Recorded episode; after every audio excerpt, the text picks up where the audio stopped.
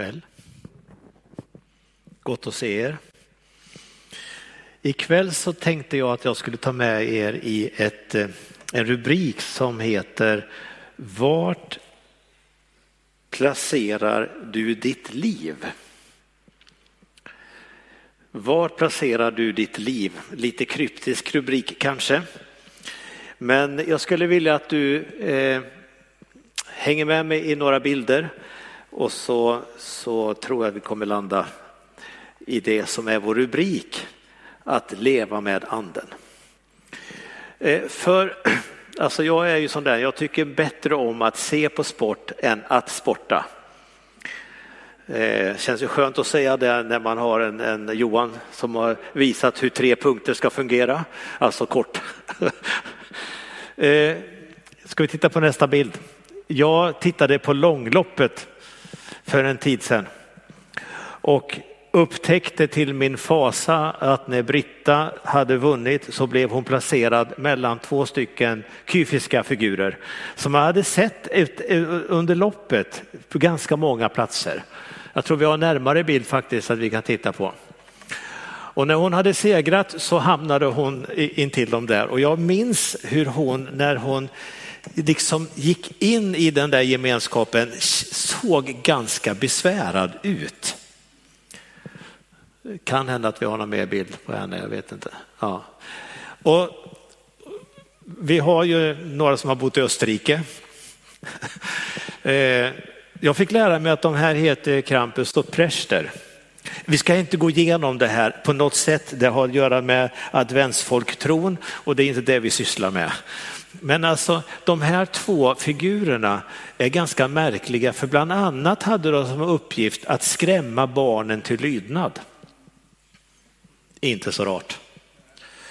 Och om man gjorde någonting fel så skulle de där skrämma. Och ironiskt nog så hade de där att göra med att de, deras uppgift var att få undan vintern.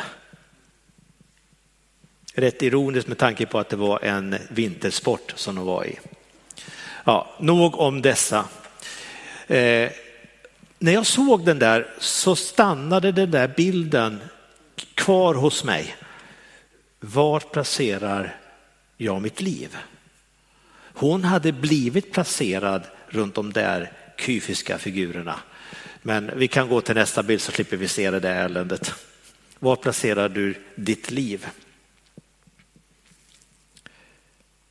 För ganska länge sedan så satt jag i ett litet, litet bönerum. Vi var inte många samlade, det var ungefär sex, sju stolar i det där bönerummet. Och vi kröp ner på våra knän och så började vi be. Det var en, en lunchbön och vi var inte många där. Och så när jag var där i den här böneatmosfären så började en resa för mig. Där jag såg på något sätt att Gud tittade ifrån universum ner mot Vintergatan. Och för varje steg som han gick så kom han närmare våran planet. Och när han såg våran planet så såg han inte bara planeten utan han såg Sverige. Och när han började titta närmare så var det inte bara så att han såg Sverige utan han såg Ulricehamn som det här var i. Och så upplevde jag att han inte bara såg Ulricehamn utan han såg Tre Rosors väg och sen såg han kyrkan. Och i kyrkan så var det inte bara ett tak utan där ser han ett rum där det sitter eller ligger några och ber på sina knän. Och så ser han mig. För mig blev det liksom en sån där stund då det bara liksom brast för mig. Tänk att Gud, som är så otroligt att se detta universum, kunde se mig precis där och precis då där jag var. Och jag tror att på något sätt så ville den helige ande visade mig hur det var att han faktiskt kunde se en enskild människa som om han var universum bort så kunde han få sin blick på just mig. Och jag tänker att det är precis så det handlar om att Gud vill på något sätt genom sin ande tala om att han ser dig. Vad säger salmisten? Jag kan inte gömma mig någonstans utan att han ser mig. Om jag så gömde mig yttersta havet så kommer han att se mig. Så var du än är någonstans så kommer hans öga att kunna liksom borra sig igenom alla dessa hinder och så ser han dig. För mig blev det stort.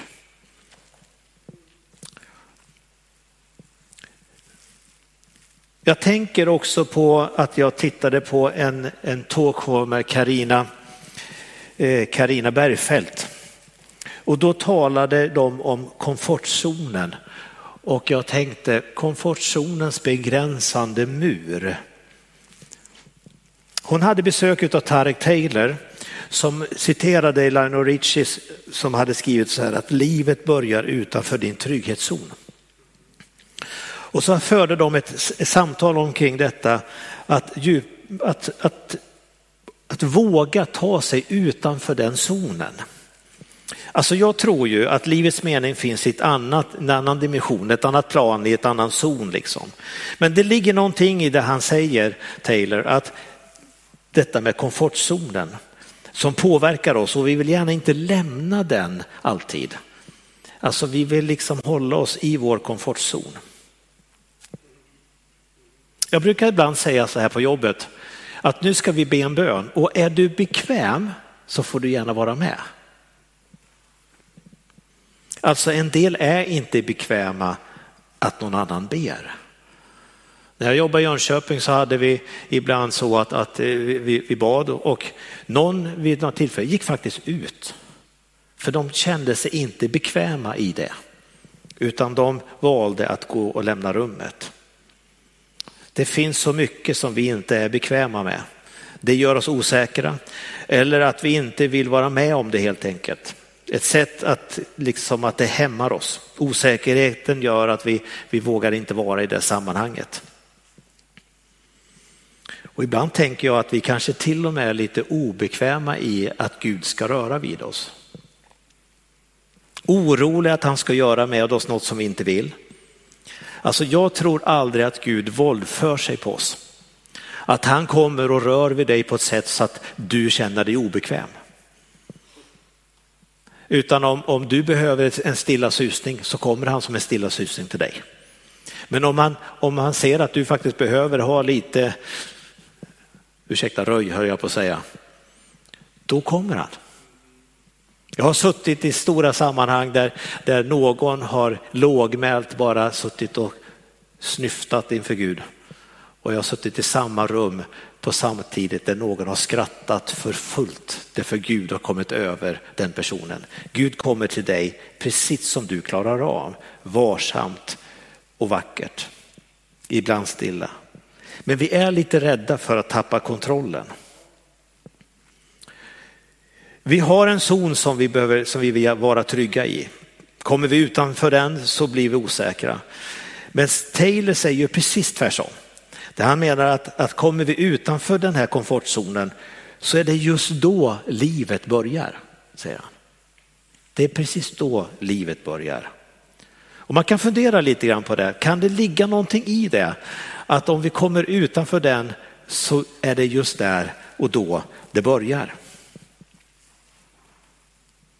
Att då utmana sig att våga sig utanför sin trygghets och komfortzon så att vi kommer att leva upp. Vi kommer i en annan frihet, kanske till och med vi hittar livet med stort L. Livet som lever och inte stängs in på något sätt. Risken är att komfortzonen vi har blir en begränsande mur omkring oss. Vi kommer inte vidare, vi bara lever just där och då. Men kanske är det så att om du funderar på din trygghetszon så kanske det är just den som är hindret för att du vill komma ut i frihet eller kan komma ut i frihet. Det här var ett sätt att försöka att göra en liten ingress till mitt ämne, just att eh, fundera på var placerar du och jag våra liv? Och jag skulle bara ta helt kort, bara några enkla bilder ifrån Bibeln som, och bibelversar som jag tänker när vi har temat leva med anden, att det kan få vara just det vi söker eller det jag söker när jag ser den rubriken. I det första jag tänker på är att vi är faktiskt kallade till gemenskap med Jesus. Första Korinthierbrevet 1 och 9. Gud är trofast, han som har kallat er till gemenskap med sin son Jesus Kristus, vår Herre. Där, i den gemenskapen tänker jag mig att det är där vi ska placera våra liv. Ja men tänker man kanske, ja men jag är ju frälst.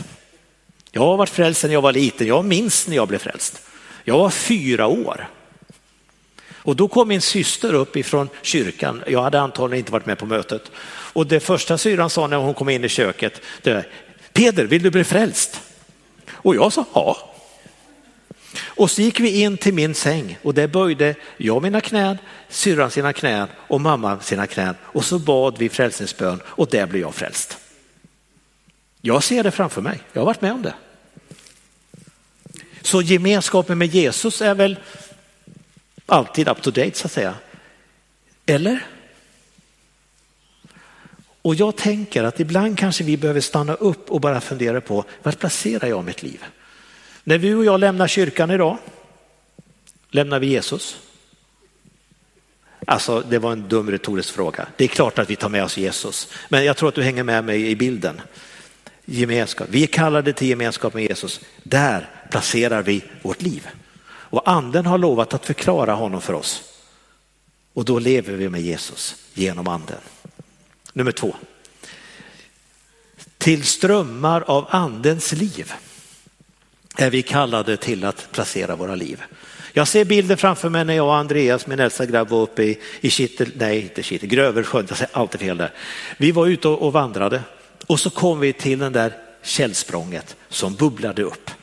Och så där kom det det här riktigt friska vattnet. Och jag vet att jag hällde ut mitt gamla vatten och så tog jag nytt vatten. Och så drack jag det. Och sen så fyllde jag min blunta där och sen så vandrade vi vidare. Det är bara det att jag behövde ju inte fylla på den där därför att alldeles strax kom det en ny källa. Då hällde jag ut det gamla källvattnet och så tog jag nytt, för det var ju nytt och kallt. Och så där höll jag på hela vandringen. Jag tog nytt källvatten och jag hällde ut det och jag drack nytt. Därför det fanns hela tiden en ny källa att ta från. Den bilden har jag framför mig, det strömmar av liv i anden. Johannes säger så här, 7.38, den som tror på mig, som skriften säger, ur hans innerska ska det strömma av levande vatten.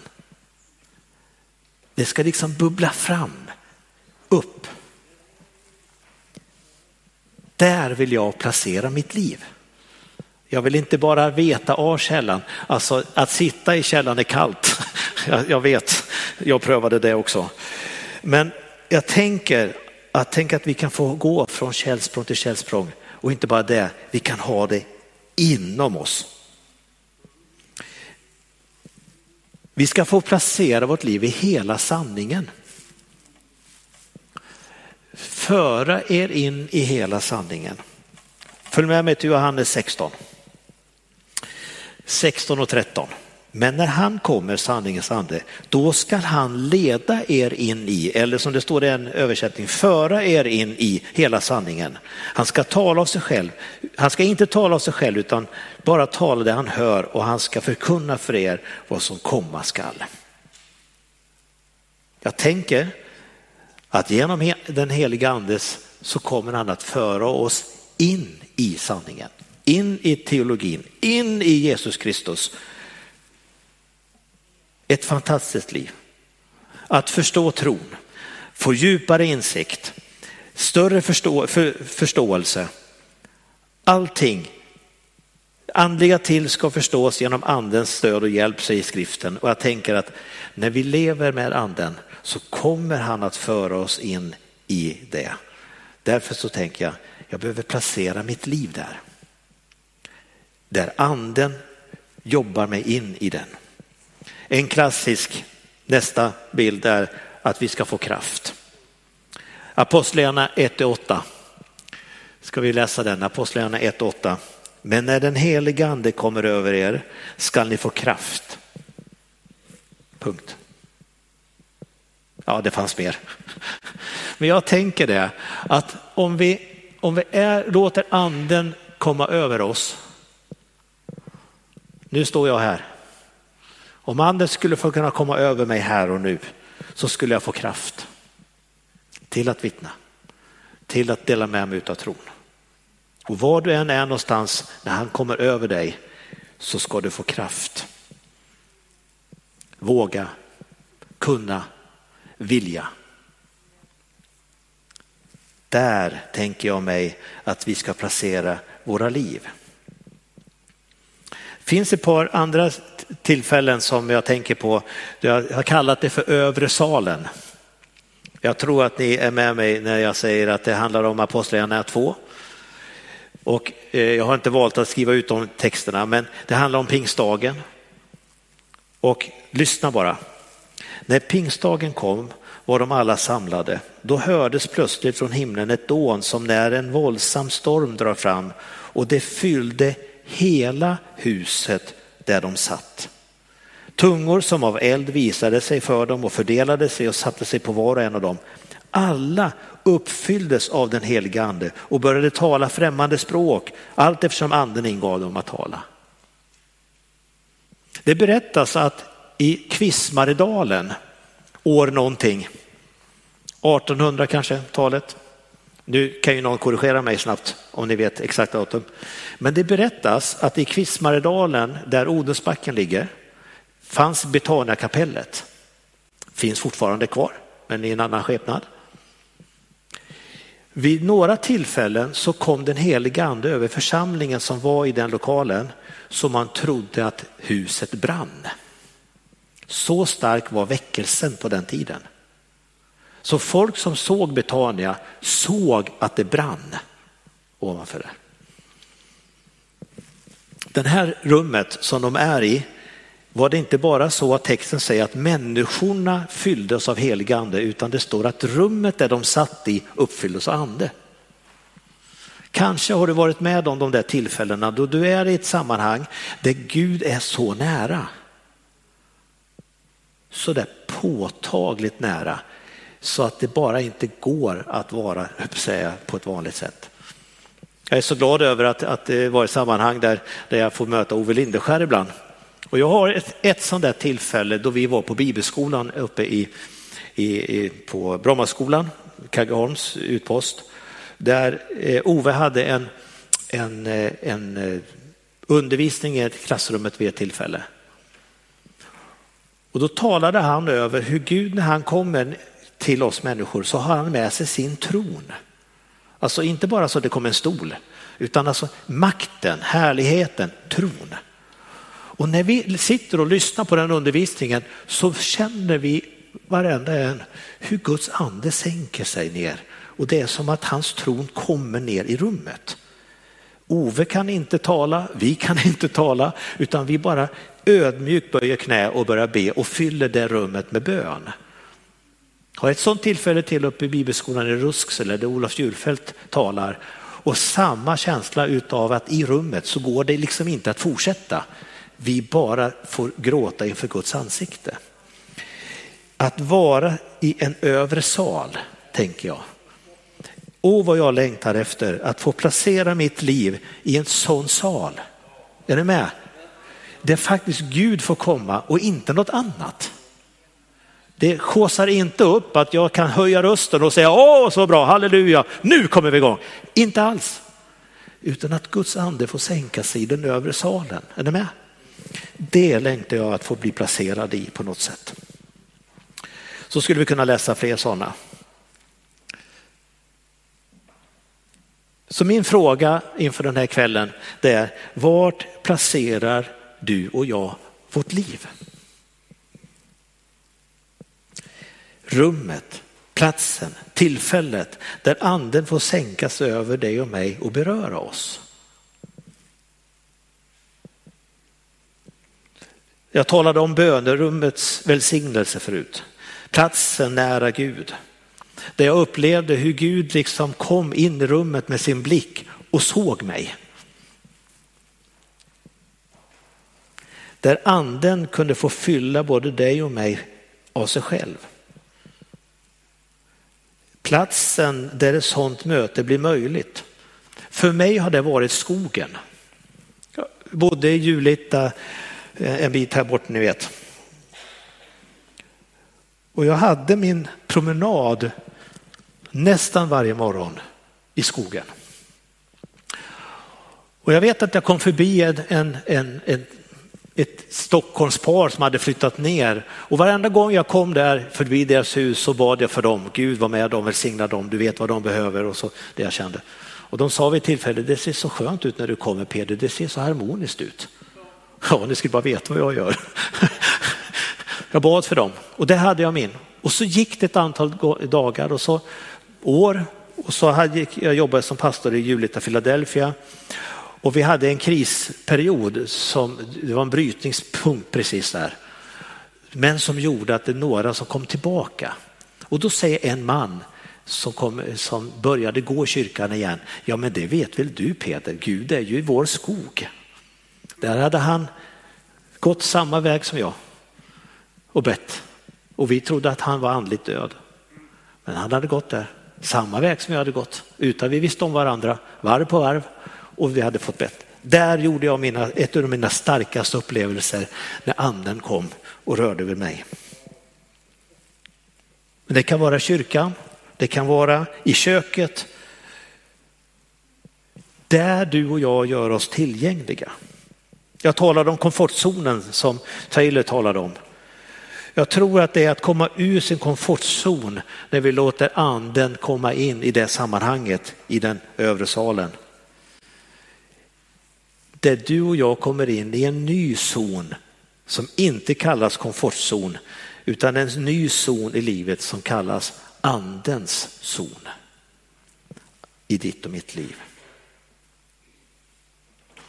Det är förmån att få komma in i den zonen. Det är att eh, hamna i rätt omgivning. Och jag tänker, vilken omgivning vill du ha med ditt liv? Och hur, vilken omgivning vill jag ha i mitt liv? Vart ställer jag mitt liv någonstans?